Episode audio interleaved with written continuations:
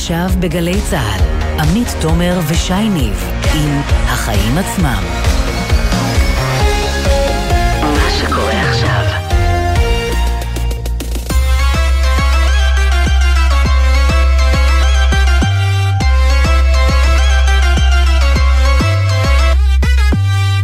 עכשיו שש וארבע דקות, אתם על החיים עצמם, התוכנית הכלכלית-חברתית של גלי צה"ל. אני עמית תומר, ולצידי שי ניב. מה שלומך, שי? וואלה, אה, תשמעי, מדוכדך קצת. כן, כן, כאבא שי, מה קרה? אה, תשמעי, כאבא לשלוש בנות, בגיל בית ספר, את כבר יודעת שאני מוטרד ממה שקורה שם במשא ומתן בין ההסתדרות המורים למשרד האוצר. אה, אני מקווה גם שילכו על איזשהו פתרון עומק ולא על עוד פלסטר. אבל אחרי חילופי האשמות שנמשכים שם גם היום, אני לא ממש אופטימי. תשמע, אני עוד לא שם, וגם uh, מכיוון שהתוכנית בערב, אין לי אינטרסים זרים, אה, מה שנקרא, לא אכפת לי איך יראו הבקרים של חשאי, אבל uh, כחברה, אני אאחל לך שזה יסתדר, למרות שלא נראה כרגע שהפתרון uh, מתקרב.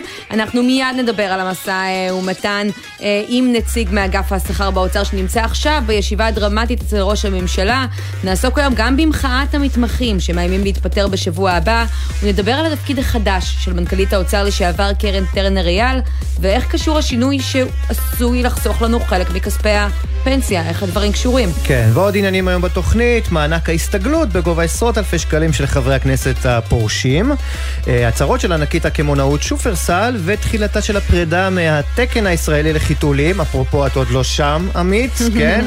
אפילו, אה, שאת יודעת, מה שטוב לתינוק אמריקאי, עדיין לא טוב לתינוק ישראלי. משום מה. נו, אולי משהו ישתנה עד שיגיע יומי, זה לא יקרה בקרוב. אה, ונסיים עם אה, מכבי חיפה, שתשחק היום בפלייאוף ליגת האלופות. לא, לא הפכנו לתוכנית ספורט, אבל נדבר על כמה שווה ההעפלה לליגת האלופות. מסתבר שמדובר בהרבה מאוד כסף. אז יש לנו הרבה להספיק, אבל קודם כל, שי, מה הכותרת שלך היום? כן, טוב, אז הכותרת שלי, הדברים שאמר שר הביטחון בני גנץ, או ליתר דיוק הדברים שהוא לא אמר בקבלת הפנים שלו לחבר החדש ברשימת המחנה הממלכתי, מת על השם הזה, השר לשעבר מתן כהנא. גנץ אה, כתב בחשבון הטוויטר שלו, מהשיחות ומההיכרות הצנועה שלי עם מתן, הכרתי איש עשייה עם כוח רצון שהוכיח את עצמו מהשירות בצה"ל בסיירת מטכ"ל, וכטייס קרב ועד לפוליטיקה.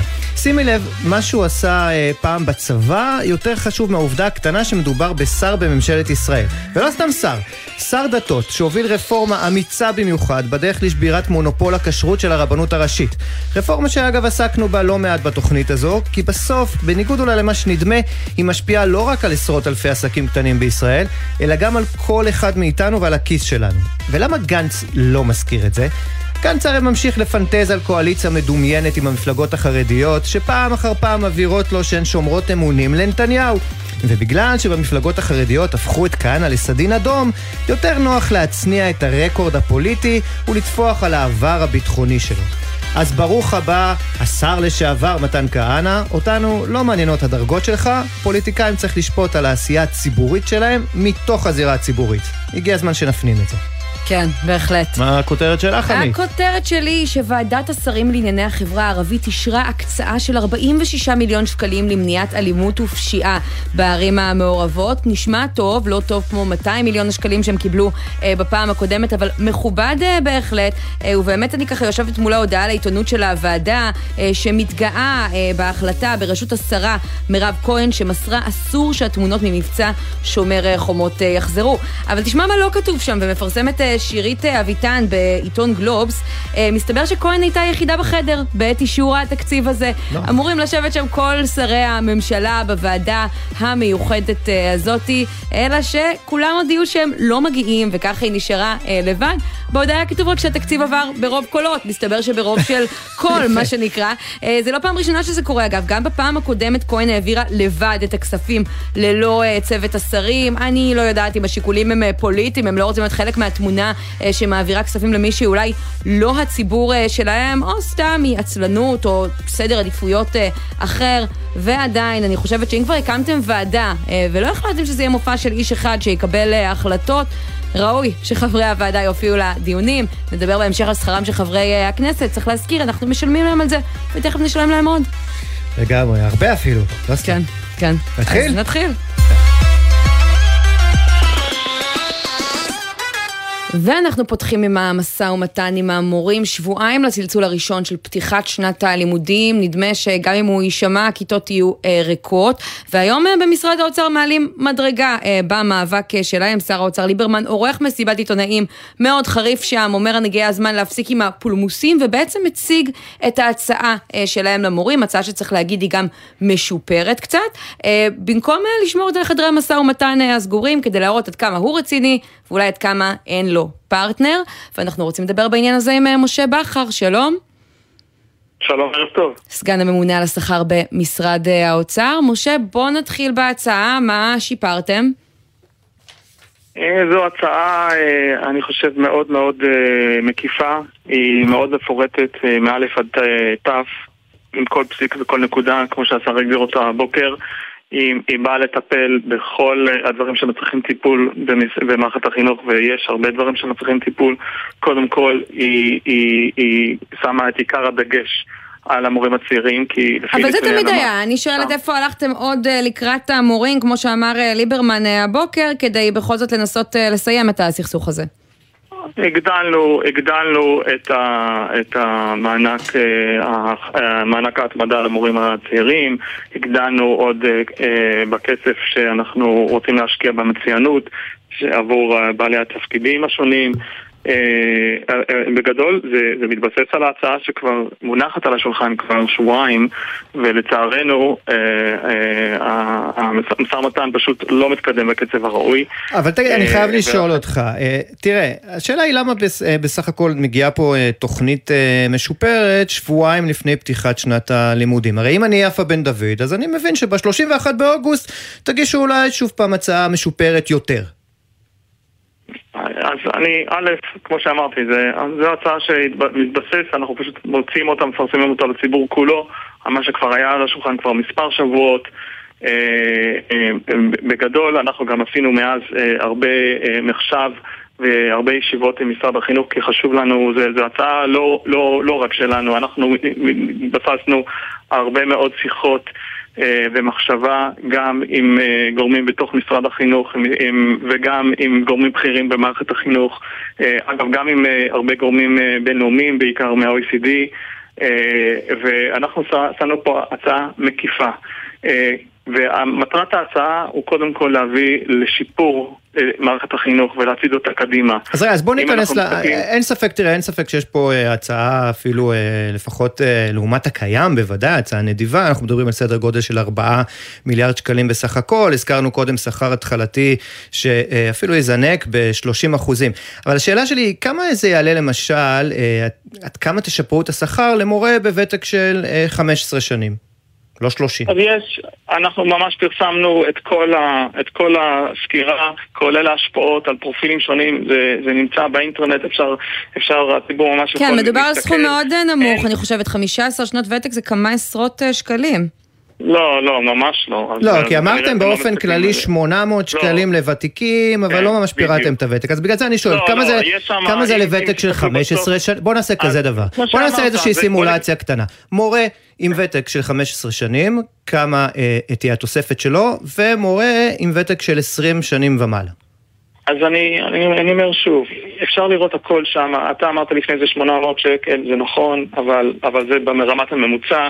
מה שהיה חשוב לנו בהצעה אבל, זה, אבל תראה, זה בדיוק, דווקא, זו, רגע, זו רגע, בדיוק הביקורת של יפה בן דוד. תן לי להשלים, אבל כן, אז קדימה. אני, אני, אני אענה לביקורת הזאת. אוקיי. קודם כל אני רוצה להגיד שאין בהצעה הזאת אה, אה, מישהו שנשאר מאחור. המורים הוותיקים הם גם חשובים לנו אה, ויקרים לנו, ולכן גם פה יש הצעה גם עבור המורים. אין, אין מורה אחד שלא יקבל משהו בהסכם הזה.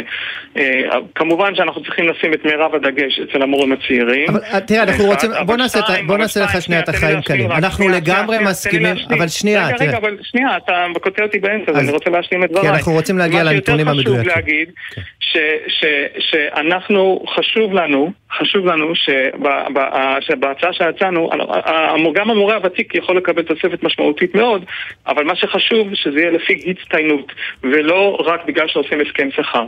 אה, אה, מצוין, אנחנו מדברים על זה בתוכנית הזו שוב ושוב, וגם על הצורך בשכר ובתוספות דיפרנציאליות, ואין ספק שהמתחילים צריכים לקבל היום יותר, כי, וגם את המספר הזה אמרנו, הוותיקים, לפחות בקצה הוותק, מרוויחים פי 3.7 לעומת המורים המתחילים. ועדיין אני שואל, כדי לדייק בפרטים, כמה אה, תוספת תגיע למורה עם ותק של 15 שנים, וכמה תוספת למורה עם ותק של 20 מצטיין, שנים ומעלה? מורה מצטיין? אז הנה, אני אומר, מורה מצטיין. לא למורה מצטיין, למורה רגיל. גם מורה, גם מורה רגיל או מורה יקבל, אה, יכול לקבל גם 700 שקל ו-800 שקל וגם מעל 1,000 שקל אם הוא מורה מצטיין על פי הצעה אבל אנחנו שואלים אם הוא לא מורה מצטיין, לא אנחנו שואלים לפי ההסכם הרגיל. לפי, אז אני אומר שוב, אם זה תלוי אם הוא ייקח תפקידים, הוא לא ייקח תפקידים. מורה שלא ייקח שום תפקיד ולא, ולא שום דבר, גם בבית ה-15 אנחנו מדברים על uh, משהו כמו 700 שקלים תוספת. רגע, 600-700 שקלים תוספת למי? באיזה ותק? 15 שנים או 20 שנים, לא- יש לא הבדל. לא צריך אה, להעלות את הזה, כי הכל נמצא באינטרנט, אז אתם יכולים פשוט להסתכל. אבל הנה, אנחנו בשידור ואנחנו לא באינטרנט, ודרך אגב זה לא, לא ממש מופיע שם, אז פה אנחנו רוצים אה, קצת לדייק את הדברים. אז כן, אז אה, בוא, שוב, זה הכל ברמת הממוצע. יש מורים שיקבלו גם יותר. אבל אני אומר, הממוצע בוותק 15 הוא, הוא, הוא 700 שקל. אה, בלי שום תפקיד ובלי שום אה, אה, נטילת אחריות נוספת. מה הדרישה של יפה בן דוד? מורה שמצטיין, מורה שיצטיין ויקבל אה, תפקיד נוסף, הוא יכול לקבל מעל אלף שקל, אלף שלוש מאות שקל אפילו. וכמה היא דורשת? על כמה עומד הפער? ואני מדבר, ואני מדבר על, על מורים ותיקים יותר, כן? על כמה עומד הפער ביניכם עכשיו? שוב, אני אומר, אנחנו שמנו פה הצעה מפורטת. מבחינתכם זו הצעה אחרונה? ההצעה שמקבלים או לא מקבלים? כי יש עכשיו גם דיונים, ישיבה אצל ראש הממשלה. לא, זה לא, קודם כל, זה, שום דבר הוא לא take it or leave it, אנחנו כמובן מוכנים לדבר סביב ההצעה הזאת, fine tuning לפה ולשם, ואם יש דברים שרוצים אה, אה, לפי סוגי עדיפויות להזיז מכאן ולשם, אנחנו כמובן רוצים לדבר על זה, אה, אבל אנחנו כן, שר האוצר אמר את זה הבוקר, אנחנו הצענו את מה שאנחנו מסוגלים להציע. אנחנו צריכים לגשת לנושא הזה באחריות וההסכם, וההצעה הזאת היא, היא הצעה מאוד יקרה גם כן, והיא, והיא לא רק יקרה, כי מה שחשוב פה זה לא רק כסף, מה שחשוב פה אה, זה כמובן גם הכסף, אבל גם מה הכסף עושה, ואיזה שינוי זה מוביל, ומה תהיה תמורה לאזרחים שמשלמים את המיסים. השאלה אם אה, כשהפוליטיקאים אה, עכשיו, אתה יודע, ככה בתקופת בחירות, ואני מניחה שהתמונות שהם הכי לא רוצים לראות חודשיים לפני הבחירות זה בתי ספר סגורים והורים זועמים, לא יהיו קצת יותר לחיצים ויתפשרו. לדעתך על חלק מהקריטריונים האלו, אפילו בתוך העוגה התקציבית, זה משהו שאתם מרגישים שככה הלחץ עליכם קצת עלה? אני חושב שהשר היה מאוד ברור הבוקר, והוא אמר שאם מישהו, ש... מישהו חושב ככה, אז הוא טועה. זה מה שהשר אמר, אה, ואתם יכולים אה, אפילו לשמוע את זה מפיו. אבל, אה, אבל אני אומר, אני לא חושב שצריך להיכנס לעולם, אנחנו מאוד מקווים שלא תהיה שביתה. וראש הממשלה עכשיו, אתה נמצא ב... בישיבה? לא, אני מדבר איתכם, אז איך אני בישיבה? לא, התכוונתי, אתה יודע, זה רדיו, לפעמים יוצאים לדבר uh, בטלפון, אבל הנה, הוא נכנס לתמונה. אתה לא חושב שזה משהו שככה יכול לשנות את המשא ומתן כשגורם כזה נכנס עם הרבה לחץ מופעל עליו? אני, אני חושב שגם ראש הממשלה מבין שהגיע הזמן לעשות שינוי ולהוביל שינוי אמיתי במערכת החינוך. אם אנחנו מסתכלים על uh, תקציב משרד החינוך בעשור האחרון, אנחנו רואים שהתקציב uh, כמעט הכפיל את עצמו וכיום הוא התקציב הכי גדול במדינת ישראל. ולעומת uh, זאת ההישגים והמערכת השירות שהיא ניתנת לאזרחים ולהורים היא כנראה לא במקום שהיינו רוצים. ולכן אני חושב שברור לכולם, גם לראש הממשלה וגם לאזרחים שמשלמים את המיסים, וגם להורים וגם למורים. שצריך להוביל שינוי אמיתי במערכת החינוך. שנת הלימודים אבל תיפתח להערכתך כל עוד אתם מתעקשים על זה? יש סיכוי כשאתה רואה את התגובה של יפה בן דוד שגם היום קוראת להצעה שלכם מביכה? אנחנו נעשה את כל מה שצריך כדי לפתוח את שנת הלימודים. אנחנו, אה, אה, כמו שהשר אמר הבוקר, אחרי שנתיים של קורונה, אני חושב שכולם מבינים שהדבר האחרון שצריך לקרות עכשיו זה שביתה, בטח ובטח שיש על השולחן הצעה שהיא טובה, שהיא מקיפה, שהיא הוגנת וגם נדיבה.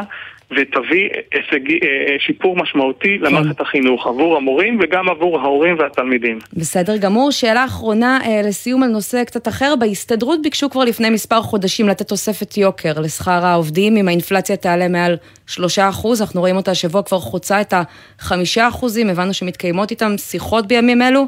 זה משהו שאתם לא במסגרת השיחות האלה? אני לא רוצה להתייחס לנושאים האלה. שוב, לגבי האינפלציה... זה נכון שאנחנו uh, חווים פה uh, אינפלציה, אבל אנחנו צריכים להסתכל גם uh, ביחס למה שקורה בעולם, שאצלנו המצב הרבה פחות גרוע. אגב, וזה גם מתקשר לנושא הזה סביב הדיונים על, על, על, על, על תוספות השכר ועל התקציב. אה, יש לנו היום הרבה מאוד דרישות בכל מקום במגזר הציבורי, אה, מעל 40 מיליארד שקל דרישות לתוספות שכר, ולכן אנחנו צריכים, ואנחנו, הדבר האחרון שאנחנו רוצים לגרום זה להוביל לאיזשהו אה, ספירלה 40 מיליארד שקל תוספות שכר? מכל המגזרים? זה, זה, זה המון. ש, זה מה ש... זה מה ש... נכון, זה, זה באמת המון. ולכן אנחנו צריכים לגשת לעניין הזה באחריות. כן, יש אה, הרבה מאוד עובדים, אתה יודע, שגם משתכרים שכר מינימום ושכר נמוך, וכשהכול מתייקר, זאת בהחלט הופכת להיות אה, בעיה, נוסף על האיגודים הספציפיים. לכן אנחנו ניגשים אה, לנושא הזה של השכר של המורים באחריות, אבל גם עם רצון אמיתי אה, להביא לשינוי אמיתי במערכת okay. אוקיי. החינוך, וכן, זה ידרוש השקעה של כספים. משה בכר, סגן הממונה על השכר באוצר, תודה רבה ששוחחת איתנו. ערב טוב. ובוא שאני נסתכל רגע באמת יותר רחב, כי ישראלים רבים במגוון מקצועות לא מצליחים לגמור את החודש אל מול האינפלציה המשתוללת. כן. בשנים האחרונות, בגלל הקורונה, השכר של רבים מאיתנו לא עלה. בעיקר אלו שתלוש המשכורת שלהם רזה מלכתחילה, שזה כמו שאמרנו, מי שמרוויח שכר מינימום, הוא לא קיבל העלאה מאז 2017, כבר חמש שנים, ואפילו מי שמרוויח את השכר הממוצע במשק, שהוא כמעט כפול 11,000 שקלים בחודש, קשה לו לחיות יותר עכשיו כשהכול מתייקר, בשיעור ממוצע של חמישה אחוזים, וכשמחירי הדיור משתוללים עם עלייה שנתית של 18 אחוזים, ואפילו מי שלא יכול להרשות לעצמו לרכוש דירה, סופג התייקרויות אה, בשכירות עבור אה, דירה שאתה רק עובר אליה של 7 אחוזים יותר ממה שנכס היה שווה לפני שנה. כן, ובדיוק אה, מהסיבה הזאת, לפחות בעבר ניתנו מה שנקרא תוספות יוקר. השכר היה מוצמד למדד המחירים לצרכן, ככה כאשר הייתה התייקרות, גם השכר עלה בהתאם, וכך גם כוח הקנייה של העובדים. אה, מה הם יכולים להרשות לעצמם עבור אה, שכרם, זה, זה לא השתנה. בשנות ה-80 וה-90, אז האינפלציה השתוללה פה, המחירים עלו לפעמים על בסיס יומי, אה, אגב, ממש בעשרות אחוזים ומאות אחוזים אפילו, תלוי באיזה שנה, וככה אחת לרבעון שכרם של העובדים מתעדכן. הנה, תשמעי את יושב ראש ההסתדרות המיתולוגי דאז, ירוחם משל, אי שם ב-1983. אין ברירה שהמעסיקים הציבוריים והפרטיים והממלכתיים ישלמו מקדימה על חשבון תוספת היוקר. הכרחי לקבל את זה. אם אנחנו לא רוצים שהתסיסה תגבר ולא נגיע למשא ומתן מאוזן ושקט יותר לחידוש הסכמי עבודה. איזה תוספת יוקר? פעם בחודש? פעם בחודשיים? אנחנו רוצים לקבל, להשאיר את זה פעם בשלושה חודשים. כן, ככה אה, נשמעו הדברים בשנות ה-80, אבל כשהמצב התייצב קצת דברים השתנו. ב-2002 האינפלציה הייתה קצת יותר גבוהה מעכשיו, אבל אה, כבר די קרוב, 6 אחוזים וחצי, אה, והוחלט לתת תוספת יוקר, אבל המעסיקים דרשו אז משהו בתמורה. התחייבות שמעכשיו השכר לא יעלה, אלא אם תהיה פה אינפלציה חריפה ממש של 8 אחוזים. ושנה לאחר מכן נחקק חוק שהסדיר את זה, ומאז מעלה אבק במגירה, כי עד עכשיו האינפלציה אפילו לא התקרבה לשם, היא הייתה בסך הכל בסדר. כן, נכון, אה, פעם אחת ב-2006 היו סיכומים על תוספת יוקר אה, קטנה, בכל זאת. אה, זה היה ככה איזה מין עדכון של הנוסחה. כלומר, לא מה שהיה ב-2002, לא דובר על זה לאינפלציה של 8 אחוזים, התאימו את זה לאינפלציה ברמות קצת יותר נמוכות. קצת יותר מ-2 אחוזים, כמעט שלושה, ובעצם אז אמרו, בואו נשנה את החוק, את הנוסחה החד-פעמי. וזה מראה לנו שזה אפשרי. בדיוק. ועכשיו, בעצם לפני חמישה חודשים, המונח הזה, תוספת יוקר, בדיוק בגלל הדברים האלה חזר לשימוש. שימוש, כשארנון בר דוד, יושב ראש ההסתדרות, כתב לשר האוצר וביקש אם האינפלציה תהיה גבוהה משלושה אחוזים, העובדים צריכים להרוויח יותר. למיטב אה, ידיעתי המכתב הזה לא זכה אז לתגובה, ובאוצר אמרו לו משהו בסגנון של אתה ממש מקדים את המאוחר, וקיוו שהעלות הריבית פשוט ימנעו אה, תרחיש קיצוני יותר ולא נצטרך להיות בסרט הזה, אבל בינתיים זה לא קורה. והאינפלציה כבר, כמו שאמרנו, מעל חמישה אחוזים, רק שבחודשים האחרונים הממשלה משותקת, ועל לשנות חקיקה או לעשות איזו התאמה מיוחדת, אין מה לדבר. וזאת כנראה הסיבה שארנון בר דוד בחר לצאת למאבק על יוקר המחיה נגד חברות המזון שמעלות מחירים, ולא גם, או בעיקר נגד הממשלה, כי הוא הבין שאין עם מי לדבר שם כרגע. כך הוא נשמע במסיבת העיתונאים שהוא ערך. אני בשבועיים האחרונים מקטט את רגליי, הלוך, חזור, הלוך, חזור, ירושלים, כדי לחפש פתרונות, ואני נתקל בקירות. אי אפשר. אנחנו כרגע בבחירות בממשלת מעבר. יועץ משפטי. עד שהיועץ המשפטי ישחרר משהו, אנחנו האזרחים פה יקרסו. כן, טוב, אז כששאלנו היום את ההסתדרות האם תוספת יוקר אה, נמצאת על הפרק, אמרו לנו שם שהם עדיין בדיונים עם האוצר, אבל נדמה שכמו שארנון בר דוד אמר, גם שם מבינים שלפני הבחירות שום דבר לא הולך לזוז. Uh, המשמעות היא שבינתיים משקי הבית צוברים חובות, הרבה יותר uh, ממונפים מבעבר, וגם הריבית שיצטרכו לשלם על הלוואות ומשכנתאות תהיה גבוהה יותר. כן, בגלל העלאות הריבית הלא פוסקות, ומה עושים עכשיו? אנחנו בחרנו לדבר על זה למרות שעדיין אין פתרון באופק, שמענו גם את משה בכר, הוא התחמק מלהתייחס לזה, כי אנחנו חושבים שזה משהו שההסתדרות גם כן צריכה לעשות, יותר ובפומבי. כי אם אפילו הגוף שאמור לדאוג לעובדים לא מפעיל מספיק לחץ, מה הסיכוי שמשהו יזוז שם, גם סמוך לאחרי הבחירות. ואנחנו בעצם חושבים שהמקרה של 2006 מלמד שגם נוסחאות יכולות להשתנות, ובעיקר שלהרבה מאוד עובדים, לא רק המורים, צריך למצוא איזשהו פתרון. כן, ולהפעיל את הכוח אולי במקומות שצריך להפעיל אותם. בהחלט.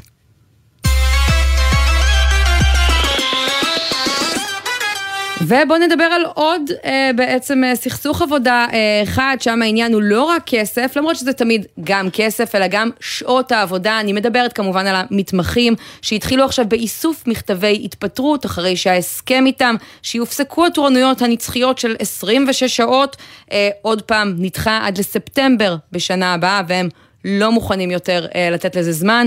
אנחנו רוצים לדבר עכשיו עם דוקטור ריי ביטון, שלום. את יושבת ראש אה, ארגון המתמחים אה, מרשם, אז מה, תארי לנו מה, מה יקרה אה, אם בעוד שבוע ראש הממשלה יאיר לפיד לא ייתן איזו החלטה אחרת מזאת של שרת הכלכלה, מה נראה? אז, אז קודם כל באמת אה, כדאי להבין שבעצם יש פה הפרה בוטה וחד משמעית של ההסכמים מולנו. היה לנו היתר העסקה שהוא במעמד של חוק שדיבר על קיצור תורנויות כבר לפני ארבעה חודשים. יש כסף בתקציב, כמו שאמרתם קודם, זה לא באמת מאבק על כסף. 66 מיליון שקלים שהוקצו לצורך הדבר הזה, יש מתווה, יש היתר העסקה, הכל קיים. אבל מה שקרה בפועל... אבל את אומרת 60 ומשהו מיליון שקלים, ואני אומרת, אני לא ממש מבינה למה זה מספיק. זה מספיק להביא עוד כל כך הרבה... במתמחים ולהכשיר אותם ולעשות את זה מספיק מהר כדי שיהיה אפשר עכשיו לשחרר אה, מתורנויות את, את הקיימים שבאמת עושים תורנויות ארוכות, אין על זה ויכוח. אז, אז קודם כל אנחנו כמובן כולנו מבינים שמדובר במתווה הדרגתי שייקח לו כחמש שנים עד שהוא יחול על כל המתמחים. אנחנו מדברים רק על הפעימה הראשונה בשלב הראשון, דיברנו על עשרה בתי חולים בפריפריה ועוד שני בתי חולים במרכז. בעצם כל הדבר הזה הוא מתווה מאוד מאוד איטי ומדורג ובאמת מתוך הבנה שייקח זמן גם להכשיר מתמחים אבל מעבר לזה גם שיהיה בעצם אה, אה, מבחינה תקציבית שזה יאפשר את המהלך המדורג כמו שזה מתוכנן. ובשביל בשלב הראשון כרגע, הזה כרגע יש מספיק מתמחים כדי לאייש את כל המשמרות? בהחלט, ובשלב הראשון אנחנו מדברים על אה, תכולה של ההיתר על פחות משלושה אחוז מהמתמחים.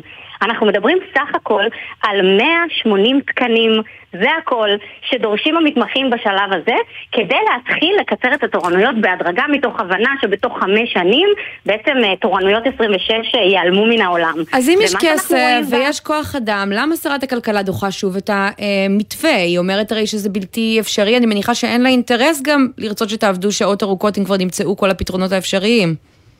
אז זה נכון, אבל הדבר הכי חשוב בסיפור הזה זה שמדובר באמת בתפוח אדמה לוהט שאף אחד לא רוצה להתעסק איתו. יש פה המון התנגדויות, בראש ובראשונה של האוצר, שחברו להסתדרות רפואית, כל אחד מסיבותיו. אלה לא רוצים להשקיע את הכסף, ואלה לא רוצים לקצר תורנויות. וביחד הם עשו כל מה שביכולתם כדי למסמס את המהלך. ומה שקרה זה שבאמת פנתה אה, שרת הכלכלה אל היועצת המשפטית לממשלה, וביקשה ממנה להכשיר את השרץ ולהגיד שבאמת אי אפשר לעשות את המהלך הזה לפני הבחירות. אבל לצערנו זה לא מה שנאמר על ידי היועמ"שית. היועמ"שית אומרת בצורה חד משמעית שאין שום בעיה לא להעביר את התקציבים ולא להכיל את המתווה כי הכל נקבע הרבה קודם לכן. ולכן מה שקורה עכשיו זה פשוט גלגול של האחריות אל איזושהי ממשלה עתידית שאולי תקום יום אחד בעוד שנה וחצי. וזה משהו שאנחנו לא מוכנים לקבל.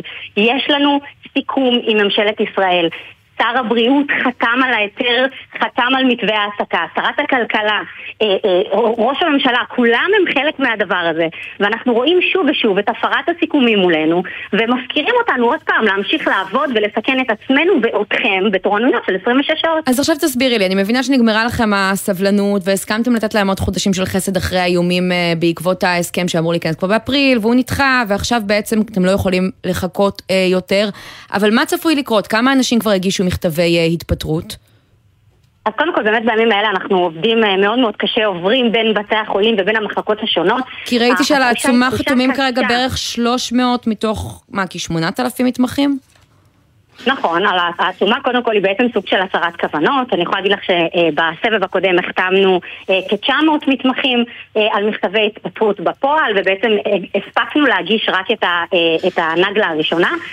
נכון לכרגע אנחנו עומדים על 268 מכתבי התפטרות, יש לנו עוד שבוע שלם של עבודה קשה שאנחנו צריכים לעשות אה, כדי להשלים את המהלך ולהגיע למספרים שעמדנו עליהם בפעם שעברה. ונניח שתאספו 8,000 מכתבי אה, התפטרות או פחות, אבל משהו מספיק משמעותי. אה, מה גורם לך לחשוב שבית הדין לעבודה ייתן לכם לעזוב במונחים כשב-2011 הוא אמר זה סוג של שביתה לא חוקית? אז, אז קודם כל אנחנו רוצים לקוות שבית הדין לעבודה לא יוציא צווי מניעה וגם במידה והם אכן יעשו את זה אני יכולה להגיד לך שהמתמחים והמתמחות במדינת ישראל סיימו לפגוע במטופלים שלהם וסיימו לפגוע בעצמם. ואנחנו לא נמשיך לעבוד בתנאים האלה, לא משנה מה יקרה. כשאנשים אומרים אתם מוכנים אה, לפרוע חוק ולוותר אה, ככה על אה, החלטה של בית הדין, אני אומרת, אני מקבלת החלטות לילה לילה על חיים של מטופלים. ואם אני בשעה ה-24 שלי מרגישה שיכורה, לא פחות מזה, וצריכה לקבל החלטות של חיים ומוות, אז זה בעיניי בושה הרבה יותר גדולה למקצוע וסכנת חיים אמיתית, שאני לא מוכנה להמשיך לקחת עליה אחריות. יכול להיות שהפוליטיקאים אבל בכל זאת... מתמחים. לא סופרים אתכם, סליחה על הביטוי הלא מכובס בגלל זה, כי הם מרגישים שאתם מנפנפים באקדח בלי כדורים, שבסוף לא תצליחו אה, לעזוב את אה, מקום העבודה והכל יישאר אותו דבר? אז אני חושבת שבעיקר סומכים על, ה, אה, על האחריות שלנו, על תחושת האחריות שלנו כלפי המטופלים שלנו, וזה מה שהם מנופפים בפנינו בכל פעם מחדש. אבל אנחנו חייבים לזכור, המתמחים עשו את זה. באוקטובר 21 הגישו מכתבי התפטרות, והם יעשו את זה שוב. אנחנו מאוד כן, מאוד רק שהם לא התפטרו, הפעם. לא עכשיו ולא ב-2011. זה נקרא... קודם כל הם התפטרו גם ב-2011 וגם עכשיו. ב-2011 התפטרו בשלוש נגלות, החזירו אותם פעמיים לעבודה על ידי צווי מניעה, בפעם השלישית הם הצליחו, וגם בפעם הנוכחית התפטרו. הנגלה הראשונה של המתמחים התפטרה, מכתבי ההתפטרות לא נכנסו לתוקף לשמחתנו, כי הגיעו בעצם לסיכומים מולנו. Mm. צריך להבין שהמתמחים היו מוכנים להגיע, ללכת עד הסוף. כן. וגם הפעם זה בדיוק אותו דבר. טוב, דוקטור ריי ביטון, אני מאחלת לך ולכולנו שלא נגיע לזה. יושבת ראש ארגון המתמחים מרשם, תודה רבה ששוחחת איתנו. תודה, תודה. שי, כמה תשדירים? ונחזור.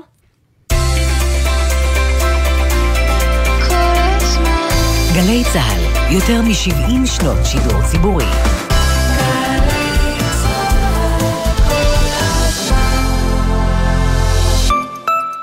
אתם שם ברחוב הכלנית 3 עם הבריכה הביתית. כן, הבריכה הקטנה הכחולה. הילד שלכם נכנס למים בלי שתרגישו. אנחנו לא יכולים להיות בכל בית להשגיח. בקיץ הזה כולנו מצילים חיים ומונעים את האסון הבא של טביעת פעוט. מה עושים? בריכות קטנות מרוקנים, בריכות קבועות מגדרים ומשגיחים מקרוב כל הזמן, במיוחד במים. אל תורידו מהם את העיניים. למידע מציל חיים חפשו התוכנית הלאומית לבטיחות ילדים. אתם מוזמנים להצטרף ליותר מ-50 אלף סטודנטים המשלבים את התואר במסלול החיים. האוניברסיטה הפתוחה, מובילים להצלחה. כוכבית 3500, ההרשמה בעיצומה. חם לכם בחוץ? מרכז מהותי מזמין אתכם להיכנס פנימה ולהתבונן. מהותי, מרכז עם מגוון פעילויות להורים ולילדים. לפרטים והרשמה חפשו מהותי בגוגל. מהותי, פעילות עם מהות. את חולמת להיות מהנדסת? אתה חולם להיות מהנדס? עדיין לא מאוחר להירשם ללימודי הנדסה בעזריאלי, מכללה אקדמית להנדסה בירושלים. לפרטים כוכבי 9087. עזריאלי, עזריאלי, מכללה אקדמית להנדסה, ירושלים. קייטנות סיימנו, נופש היינו, סבא וסבתא מיצינו. מה עושים עכשיו עם הילדים? יוצאים לטבע! רשות מקרקעי ישראל בשיתוף החברה להגנת הטבע מזמינות אתכם לפסטיבל הולכים על פתוח. בואו ליהנות מאתרי טבע מוצלים, מעיינות מרעננים וסיורי לילה מרתקים. את כל האתרים שיקמה וטיפחה לטובת הציבור רשות מקרקעי ישראל. הפסטיבל ייערך ב-23 ו-24 באוגוסט. להרשמה לסיורים חינם חפשו בגוגל הולכים על פתוח. מה זה באמת להיות ישראלי? דינה זילבר במסע לתוך הישראליות עם דמויות מפתח בחברה, בספרות ובתרבות. והשבוע, אודיה רוזנק. יש משהו בשירה שלי שכל הדברים הרעים שעשו לי, אני יכולה להפוך אותם ולשנות את הנרטיב, כי בשירה ובספרות באופן כללי אפשר לעשות את זה. מילים ומשפטים עם דינה זילבר. מחר, שמונה בערב, גלי צה"ל. עכשיו בגלי צה"ל, עמית תומר ושי ניב עם החיים עצמם. חזרנו. כן, טוב, תגידי, את uh, עוקבת אחרי uh, דמי הניהול שלך ב- ככה בקרנות הפנסיה, הגמל שאת uh, חוסכת אליהן? לא תאמין, אבל כן. כן, ברצינות? כן. לא, אני מתבייש לומר.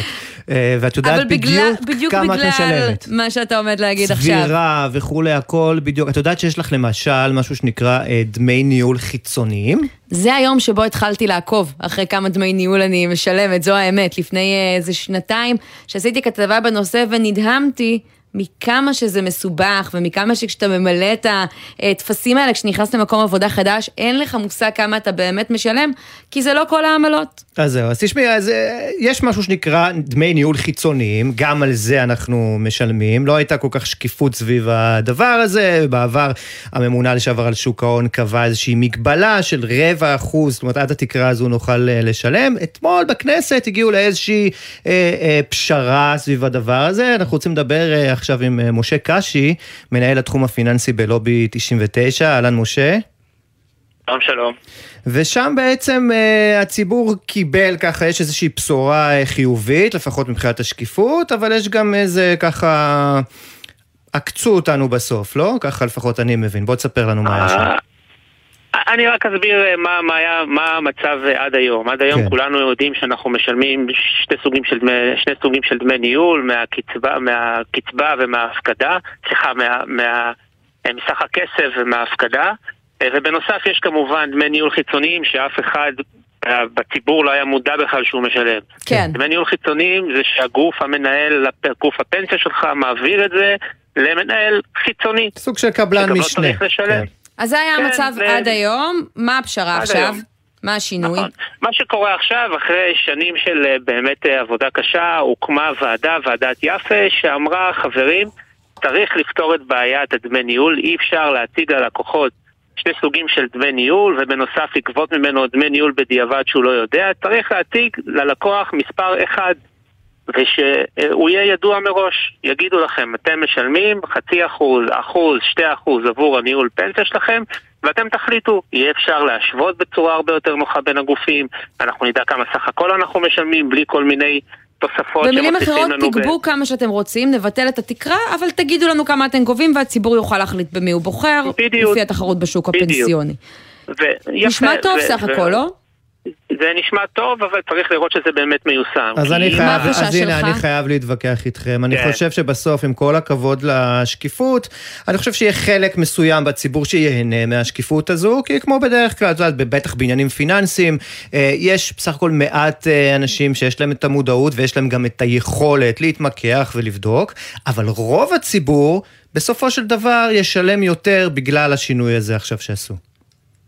אז, אז אה, יש משהו בדבריך, אבל זה התפקיד של הרגולטור. הוא צריך לוודא שמיידעים את הציבור בכל אינטראקציה עם הגוף המוסדי, עם היועץ, עם הסוכן, כדי שהמספר הזה, האחד, שמגלם את הכל, לא יישאר איזה משהו בדוח הרבעוני או בדוח השנתי או, או בעמוד 24 כשהוא חותם. כן. אם זה יהיה כמעט בכל מקום, ובאתרים של, של, הרשות, של רשות שוק ההון ובאתרים של הגופים המוסדיים, אז המספר הזה יהיה הרבה יותר שקוף וכלל הציבור ידע ויבין. בקיצור, מי שמקשיב לנו עכשיו, תסתכלו בקרוב טוב טוב על הדוחות הפנסיונים שלכם, כנראה שתגלו שם אה, הפתעות. משה, היה עוד דבר אחד מעניין אה, בוועדה. אה, קרן טרנר, מנכ"לית אה, משרד האוצר אה, לשעבר אה, מגיעה, אבל הפעם אה, בתפקיד אחר, מטעם אחד הגופים האלה. בואו נשמע אותה. האידיאל של כולנו צריך להיות תשואה נטו הכי טובה לחוסך. מה שאנחנו נקבל בסוף. נראה שלפעמים בשם התחרות קצרת הטווח, התחרות על העמלות, כולם זונחים כאן את היעד ארוך הטווח שלנו, שזה כמה יהיה לנו בזמן זקנה. צריך להבין, אה, בעולם לא מקובל לקבוע תקרה, אנחנו לא חושבים שזה לטובת החוסך, אנחנו חושבים שזה יוצר אה, ניגוד עניינים מובנה. יאמר אה, לזכותה של קרן טרנר שהיא הייתה במשרד האוצר זמן כל כך קצר שאני לא חושבת שהספיקה לקדם שינויים בעצמה בנושא החיסכון הפנסיוני כדי שנוכל לבחון את שינוי הגישה שלה, אבל משה תספר לנו מה היא עושה היום. אמ, דרך אגב, רוב, רוב הפעילות שלה במגזר הציבורי הייתה במס, ב, ב, בעניינים של תחבורה. כן. אה, פחות אה, נוגע לפיננסים. אה, היום היא, אה, יש לה תפקיד בקרן וינטג', קרן וינטג' זה קרן שמשקיעה בחברות טכנולוגיה. הקרן עצמה אה, נהנית מדמי ניהול, מדמי הניהול הנוספים האלה שאנחנו משלמים בלי לדעת, הם מנהלים בסביבות ה... כמעט ש- מעל לשני מיליארד שקל מכספי הפנסיה שלנו. שזה בערך חצי בעצם- מכל העמלות, אני רואה פה ארבעה מיליארד שקלים אה, בערך לא, מקבלים לא, לא, המנהלים לא. החיצוניים. סך הכל, לא, סך הכל, סך הכל הם מנהלים, הם מהמם. מנהלים שתי מיליארד, מזה הם גוזרים אחוז, שתיים, זה גם הבעיה, אנחנו לא יודעים כמה דמי ניהול אנחנו משלמים להם, זו עוד בעיה של חוסר שקיפות. כן, והיא לא אה, רוצה את השקיפות הזו, בואו, נכון, נתקדם, היא לא רוצה את נכון, השקיפות, כי היא אומרת. שזה יפגע, אה, ככה היא לפחות טוענת, בתשואות, בסופו של דבר. תראו, דבר ראשון, הטיעון, הטיעון המרכזי שלה, בוא, בוא נתחיל מזה שמתוקף זה שהיא מייצגת את קרנות ההון סיכון שנהנות מחוסר השקיפות, אה, אז צריך לקחת את כל הדברים שלה ב- ב- בערבון מוגבל. אה, וחלק מהדברים הם פשוט לא נכונים. דבר ראשון, היא אמרה שצריך לעודד השקעות בקרנות הון, הון אה, בקרנות השקעה, שוועדת יפה שבדקה ומצאה וחקרה, שקרנות ההשקעה האלה לא באמת תורמות לתשואה, הם בדקו מספר שנים אחורה ואין באמת תרומה לתשואה של כספי הפנסיה של הציבור. Mm. ודבר שני, היא טענה שהמגבלה הזאת היא פוגעת בתשואות ו- והגופים המוסדיים בישראל, גופי הפנסיה, לא, אה, מפגרים בתשואה שהם משיגים עבור הציבור ביחס לקרנות בעולם, שזה לא נכון עובדתית. אה, גופי הפנסיה בישראל נמצאים בראש הרשימה בחברות ב- בין מדינות התרשמת ה-OECD. אבל לסיום שמעצם זה שדמות כמו קרן טרנר, שהייתה רגילה לשבת ליד כל האנשים האלה בכנסת בתפקיד אה, אחר לגמרי, כנציגת אה, הקופה הציבורית, אה, יש אה, משמעות אחרת לדברים שלה? כי, כי במבחן התוצאה הם לא עשו את העבודה, כלומר הפשרה עדיין התקבלה. תראה, בוודאי, איזו שאלה. אם אנחנו מסתכלים על תעשיית ההון סיכון, יש להם אה, הרבה עורכי דין, הרבה אנשי תקשורת, הרבה לוביסטים, ועצם זה שהם בחרו דווקא אותה לשבת שם, לדבר אה, ולנסות להכניס שינויים שפוגעים בשקיפות, היא נניח הציעה שאת התקרה יקבעו בדיעבד, אני לא מבין מה זה לקבוע תקרה בדיעבד, כן. אז יש לה, יש לה משקל ויש לה איזו עילה מסוימת שהיא באמת עשתה בזה שימוש, שהיא באה וישבה סביב אגב, צריך לומר, זה גם. הורגש, היא היא גם לא ענדה איזשהו, את יודעת, היא לא ענדה איזה סרט אה, כתום כזה, כמו כן. לוביסטית. היא לא. היא היה לא ענתה מאוד היא לא ברור. שמישהי בע- בעלת לא שיעור לוביסטית, היא קומה... צד לעניין, לא, לא, כן. בוודאי, אני אומר, אבל היה ברור כן. מאוד שיושבת שם מישהי בעלת שיעור אה, קומה, זה הורגש, ובדיוק זו הסיבה כנראה שהיא הייתה שם. אבל בסוף זה הכסף של כולנו, וטוב שהדבר הזה אה, לא יתקבל, וטוב שיש אתכם, לובי 99, משה קשי, תודה רבה. תודה רבה לכם.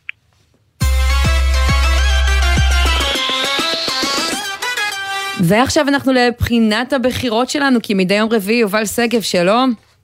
שלום, שלום, ערב טוב. כתבנו הפוליטי. תשמע, ערכנו אותך בתחילת השבוע כדי לדבר על העלאת השכר הצפויה אה, לחברי הכנסת. מסתבר שזה לא מסתכם בזה, כי גם מי שלא יישאר חבר כנסת, מי שעוזב, יזכה למענק הסתגלות אה, שמן. על איזה סכומים אנחנו מדברים? כן, מענק הסתגלות, אה, מונח שאני חושב שרובנו אה, לא הכרנו לגבי חברי הכנסת, עוד איזשהו צ'ופר אה, כלכלי נאה מאוד שחברי הכנסת מקבלים, והציבור ככה פחות מכיר, וכנראה שחברי הכנסת, את יודעת, אחרי שהם מסיימים את התפקיד שלהם במשכן, הם מאוד קשה להם לצאת לאזרחות, והם צריכים איזשהו סכום כסף שיעזור להם להתאקלם. אז אנחנו מדברים על 270 אלף שקלים, זה עבור הח"כים הוותיקים, אנחנו בעצם מסתכלים על זה כ-45 אלף שקלים. שקלים, 45 אלף שקלים זה משכורת חודשית של חבר כנסת. ומי נמנה עם הוותק הזה? בואו ככה ניתן כמה שמות. אז השמות המוכרים הם כמובן אה, ראש הממשלה עד לא מזמן אה, נפתלי בנט, שיש לו כבר יותר משבע שנים, אורלי לוי אבקסיס, צחי הנגבי, יובל שטייניץ ואחרים, הם בעצם אלה אה, שיקבלו את אותה תוספת משמעותית של 270 אלף שקלים, 45 אלף שקלים משכורת חודשית, כפול השנים שהם בעצם היו בכנסת, יש לזה תקרה מסוימת באמת של עד שש שנים, ואת זה בעצם הם יקבלו, וזה אמור לסייע להם, כאמור, להתאקלם בחוץ, מי כן. שהיו... סוג של פיצויים מוגדלים. כן, עכשיו, אתם יודעים, אני חושב שבטח אדם כמו בנט שהוא מיליונר, אבל גם אנשים אחרים, גם חברי כנסת שבאמת הגיעו אה, מן היישוב, מה שנקרא, אבל כבר הרוויחו במשך 6, 7, 8, 9, 10 שנים משכורת של אה, למעלה מ-20 אלף שקל נטו, אני לא יודע עד כמה הם צריכים עוד כסף כמענק הסתגלות כדי לשרוד בחוץ את החיים הכל כך אה, קשים מחוץ למשכן, כן. אבל זה דבר שחוקק כבר לפני הרבה מאוד שנים, נשאר, התקבע, ובגלל שאנחנו רואים גם הרבה פוליטיקאים ותיקים שעוזבים, או מבחירה או בעל כורחם, את המערכת הפוליטית וגם עוד לא מעט חברי כנסת אחרים עם ותק קצת יותר נמוך וסכום אה, מענק הסתגלות קצת יותר קטן, זה עדיין יצטבר פה להרבה מאוד כסף. ויש סכום נוסף, נשנן... נכון? שהם אה, מקבלים בסוף. כן, יש עוד איזשהו סכום שנועד בשביל להישאר בקשר עם הציבור, לעיתונים וטלפוניה וכל מיני דברים כאלה, גם טיפה כבר מיושן, אבל גם זה אה, נמצא, עוד איזשהו 5,000 שקל בשנה. אה, חברי הכנסת הוותיקים מקבלים את זה כבר לכל החיים, אבל זה יחסית אה, סכומים אה, יותר כן. קטנים לעומת המענקים הגדולים. ויובל, רק אה, לסיום, אנחנו אה, שומעים אה, חברי כנסת שאומרים בימים האחרונים שהם יצביעו נגד העלאת שכרם. מישהו מהח"כים העוזבים אה, מתבטא נגד או מתכנן לוותר על מענק ההסתגלות שלו, או שאחרי שאתה כבר לא אה, דמות אה, ציבורית אתה עושה לביתך? אני עוד לא ראיתי, יכול להיות שעכשיו כשאת יודעת זה קצת עולה יותר לשיח גם אצלנו וגם במקומות אחרים, אולי כן נראה אותם מעט נלחצים משמם הטוב ומוותרים, בטח באמת אנשים עם הרבה מאוד כסף והון עצמי כמו בנט, אבל כרגע לא. לגבי שכר חברי הכנסת, את יודעת, אנחנו באמת רואים התנגדות נרחבת, מפלגת העבודה ומרץ וישראל ביתנו וכולי, כנראה שאם לא היינו בקמפיין בחירות, ההתנגדות הייתה קצת פחות נחרצת. זה מה שנקרא כלכלת בחירות חיובית. כן, תשמע, אני, אני, אני יודע לפחות מה אורלי לוי אבקסיס יכולה לעשות עם הכסף הזה, אני התקנתי את זה אצלי באוטו, את מכירה יש מכשיר כזה מובילאיי או משהו אחר, שכל פעם שאת סוטה מימין לשמאל, אז הוא מצפצף? נו. אם את מזגזגת? כזה. יפה. יובל שגב, כתבנו הפוליטי. תודה רבה. תודה, תודה.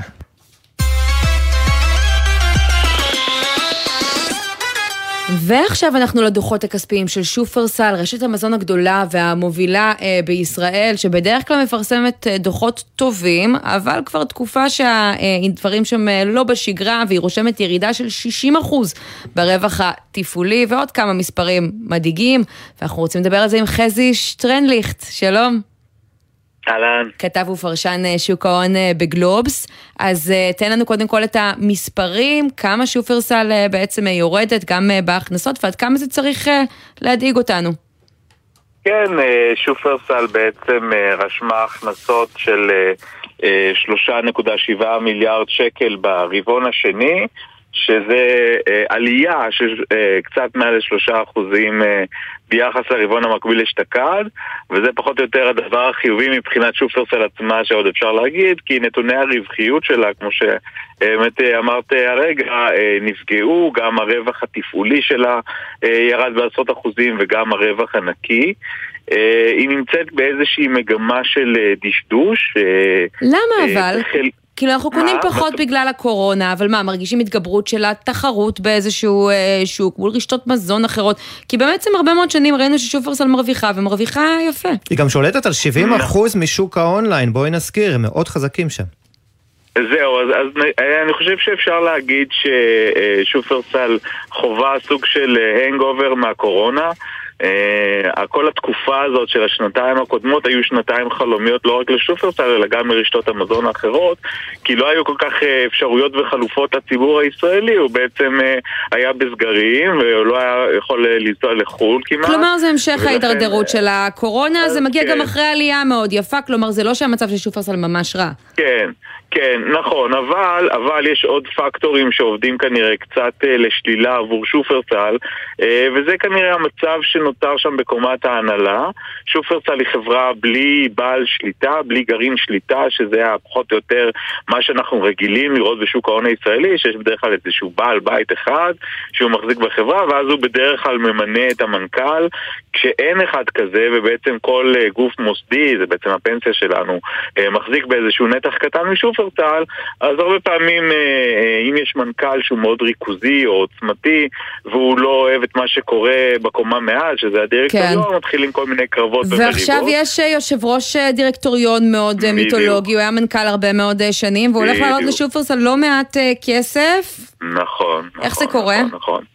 אז זהו, אז זה, זה בהמשך לדברים שאנחנו הרגע אה, אומרים. אה, שופרסל, אה, יש לה, היה לה מנכ"ל במשך עשר השנים האחרונות, איציק אברקוהן, שצמח מלמטה והכיר כל מדף וכל מוצר, ונהנה גם מתנאי שכר מאוד מפנקים, אבל אפשר להגיד גם לזכותו שהמניה עלתה מאוד, ולכן בסופו של דבר זה של הציבור כאן, אז גם בעלי המניות, שזה המוסדיים, נהנו מזה. הוא בסופו של דבר התפתח יותר, מוקדם יותר השנה, המוסדיים ניסו להביא יושב ראש אחר שאמור לשמור על הספינה והוא לא כל כך uh, הסתדר איתו. בוא, בוא רק נזכיר את הסכומים, על אילו סכומים אנחנו מדברים? בדיוק. אז uh, איציק אברקוהן חוזר ובגדול uh, לשופרסל, הוא יותר יושב ראש על 80% משרה, הוא יקבל אופציות בשווי של 10 מיליון שקלים לארבע שנים.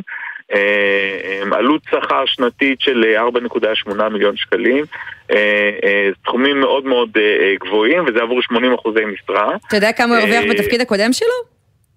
אה, התפקיד הקודם שלו היה מנכ"ל שופרסל, כן? כן, כן, אה, בשופרסל? הוא סיכם, בוא נגיד את העשר שנים אה, מתוגמל היטב, הוא סיכם קרוב לעשר שנים בתפקיד עם איזה חמישים מיליון שקל עלות שכר כוללת שהוא גרף. או, אבל הנה, עשרה מיליון שקלים זה כן. העלאת שכר יפה למי שככה עשה סיבוב עזב רק לכמה חודשים. זה בכלל לא רע, כן, כן, זה בכלל לא רע עבור איציק אברקוהן. כן.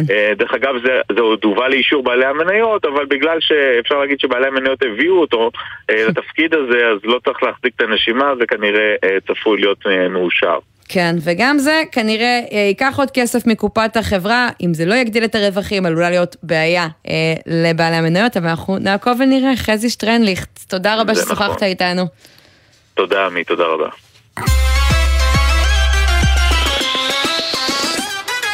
ואנחנו רוצים לקפוץ עכשיו לבריטניה, כי שם האינפלציה במצב עוד יותר חמור אה, מאצלנו, אבל שם גם מצאו דרך יצירתית לנסות להילחם בה. עומר עזרן, כתבת חדשות החוץ, שלום. שלום, ערב טוב עמית ושי. אז אנחנו באמת יודעים שהאינפלציה היא נחלת כל אירופה בחודשים האחרונים, אבל בריטניה היא שיאנית ביבשת, והיום מהדורות החדשות בממלכה דיברו על עוד שיא שנשבר. another really big jump in the rate of inflation to 10.1% inflation was in the 12 months. That is the first time we have seen inflation in double digits since the 80s, since the early 80s. כן, אז עוד קפיצה לעשרה אחוזים ועוד עשירית האחוז, אינפלציה דו-ספרתית, בפעם הראשונה מזה 40 שנה. וכל זה קורה תוך כדי משבר פוליטי די קשה, ההתפטרות הסוערת של בוריס ג'ונסון, ולכן הממשלה הבריטית פרסמה תוכנית שמנסה לשפר את המצב, בכך שהיא מגבירה את התחרות באופן יצירתי. הרעיון הוא להוריד את מיסי היבוא על מאות מוצרים מהמדינות העניות ביותר בעולם, וכך להוביל להידוק קשרי המסחר ו... לנתיב חדש של יבוא, שבממשלה מקווים שיוריד את המחירים, התוכנית הזאת אה, תיכנס לתוקף בחודש ינואר. אז על איזה מדינות אנחנו מדברים, עומר? אז הרעיון של בריטניה הוא להדק קשרים עם מדינות עניות, כמו בנגלדש, באותן, קמבודיה ומאלי. עיקר הסחורות שיגיעו הם בגדים אה, ומוצרי מזון.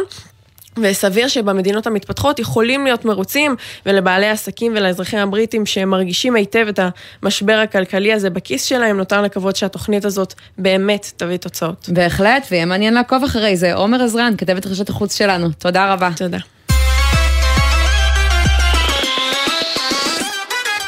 ועכשיו אנחנו לחדשות טובות אה, במסגרת אה, מכירת החיסול שמשרד הכלכלה עושה רגע לפני הבחירות לכל מיני תקנים מיותרים שליוו אותנו באמת שנים ארוכות, אה, ספציפיים לישראל. עכשיו הם מפרסמים להערות הציבור אה, מסמך שאמור גם את החיתולים, אה, מוצר אה, באמת בסיסי לכל אה, הורה אה, צעיר, אה, להפוך... אני, אני סיימתי עם חיתולים עם זה סיימת. מזמן, תודה לאל. זהו, אז זה כבר לא, רק חינוך, סתם, אני צוחקת.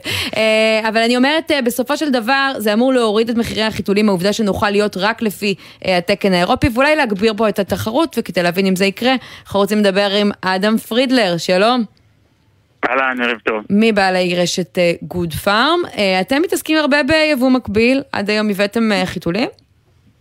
אה, האמת שהבאנו חיתולים ביבוא מקביל, אמנם זה בשוליים ממש, כי באמת, כי אה, מוצר כמו חיתולים מאוד קשה להשיג בחו"ל, כלומר, את יודעת, כל סיפור היבוא המקביל בעצם מתבסס על עודפי ייצור בכל מיני מדינות, וככה, בוא נקרא לזה כל מיני עסקאות שאנחנו מוצאים בחו"ל, שאנחנו בדרך כלל מביאים סכיני גילוח, אה, לא יודע, היגיינה נשית, מוצרים mm. כאלה, וחיתולים קשה יותר להשיג, חיתולים יש מעט מאוד עודפים בעולם, ולכן זה מוצר שהוא יותר אה, בעייתי מהבחינה הזאת. אבל כשכבר כן הצלחתם, תספר ככה איך היה הדרך לארץ, היו שם אה, קשיים? לא, זה היה הזוי לגמרי, הגיע, אנחנו האמת שפעם ראשונה שהבאנו, אני זוכר, זה היה דווקא מותג פמפרס, הבאנו ביבוא מקביל, וזה הגיע לארץ, אמרו לנו שהאופן שבו מתקשה הנוזל ברגע שהוא נוגע לחיתול, הוא לא כמו התקן שמגדיר בישראל, ועל כן...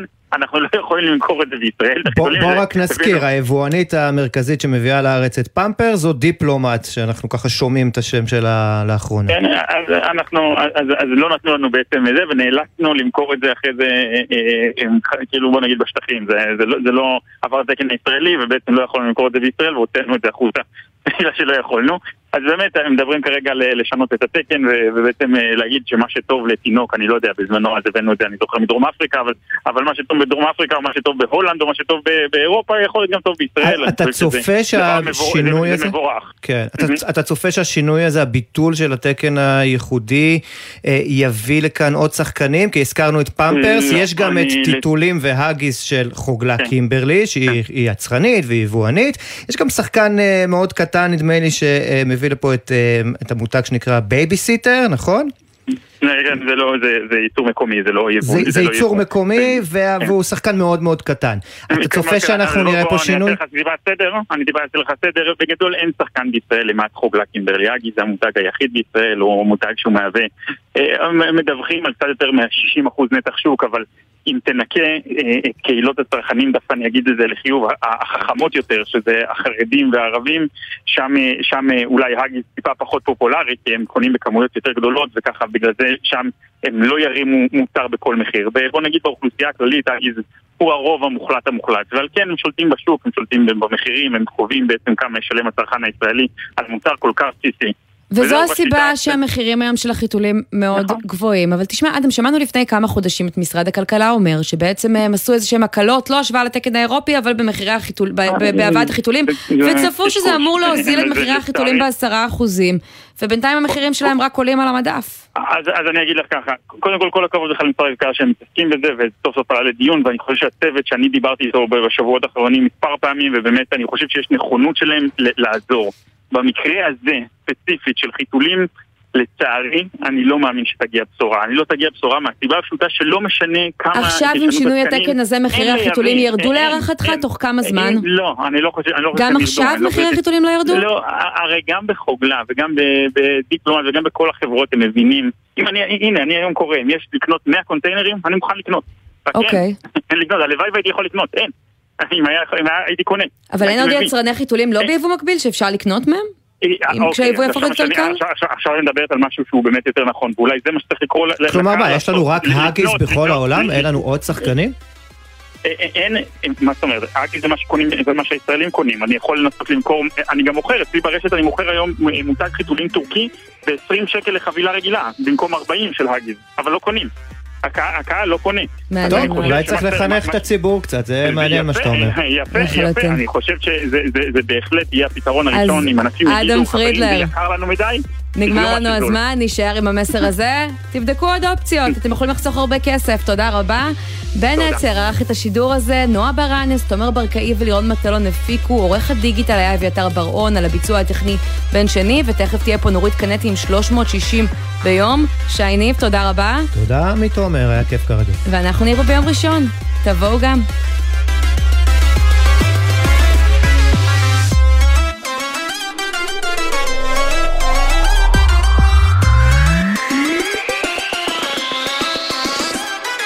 בחסות מחסני חשמל, המציינת יום הולדת, ומציעה מגוון מבצעים והנחות על עודפי מלאי.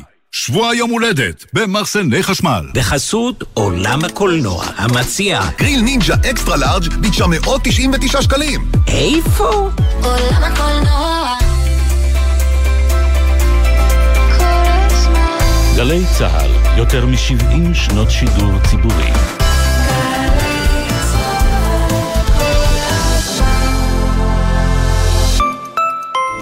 כבכל שנה, גם השנה יוענק פרס שרת העלייה והקליטה לעולים פורצי דרך שתרמו תרומה יוצאת דופן לחברה ולמדינה במגוון תחומים. הפרס יוענק במעמד נשיא המדינה ושרת העלייה והקליטה. להגשת מועמדות ולפרטים נוספים, ייכנסו לאתר משרד העלייה והקליטה. משרד העלייה והקליטה, הכל כדי שתרגישו בבית. יצואנים, תעשיינים וחברות עסקיות. רוצים לייצא לחו"ל? לפרוץ לשווקים חדשים? תוכנית כסף חכם החדשה מחכה רק לכם. כ-90 מיליון שקלים יוענקו במסלולים ייחודיים ליצואנים מתחילים או מנוסים. עד חצי מיליון שקלים לחברה. אל תוותרו על הסיוע, עכשיו תורכם לגדול לעולם הגדול. המקצה פתוח עד 31 באוגוסט. מהרו להגיש. לפרטים חפשו ברשת כסף חכם או ייכנסו לאתר. מנהל סחר חוץ במשרד הכלכלה והתעשייה. כפוף לתנאי התוכנית. עמיתי מועדון חבר ובני משפחותיכם, אנו מזמינים אתכם להכיר את כרמי הפארק, רובע המגורים מחדש של חברת אפיק הירדן בקריית גת, המשלב טבע עירוני, מוסדות חינוך חדשים ונגישות תחבורתית נוחה. עכשיו במחירים בלעדיים למענכם. לפרטים כוכבית 2503 או באתר מועדון חבר. זה הכל בשבילך, חבר. כפוף לתקנון המבצע. אתה רוצה ללמוד, לשפר את השכר, אבל עובד כאילו אין מחר. אולי הגיע הזמן שנעצור. כי די, כמה אפשר לבחור? למה לבחור בין לימודים לקריירה? האוניברסיטה הפתוחה מציעה תואר שני המשתלב במסלול החיים. הגשת המועמדות בעיצומה, כוכבית 3500. אופ, אני רעבה. מתי כבר מגיעים? מתי יוצרים לארטיק? אני צריך לשירותים! איפה קבעת איתם? מוכר לכם. בנסיעה עם המשפחה, מתכננים מראש את מסלול הנסיעה ואת נקודות העצירה רחוק מהכביש, למפגש עם שאר החבר'ה, להתרעננות ולשירותים. זכרו, לא עוצרים בשולי הדרך, אלא במצב חירום שאינו מאפשר את המשך הנסיעה. עוד עצות לנסיעה משפחתית בטוחה, חפשו בגוגל אסק רלב"ד. מיד אחרי החדשות, נורית קנדי.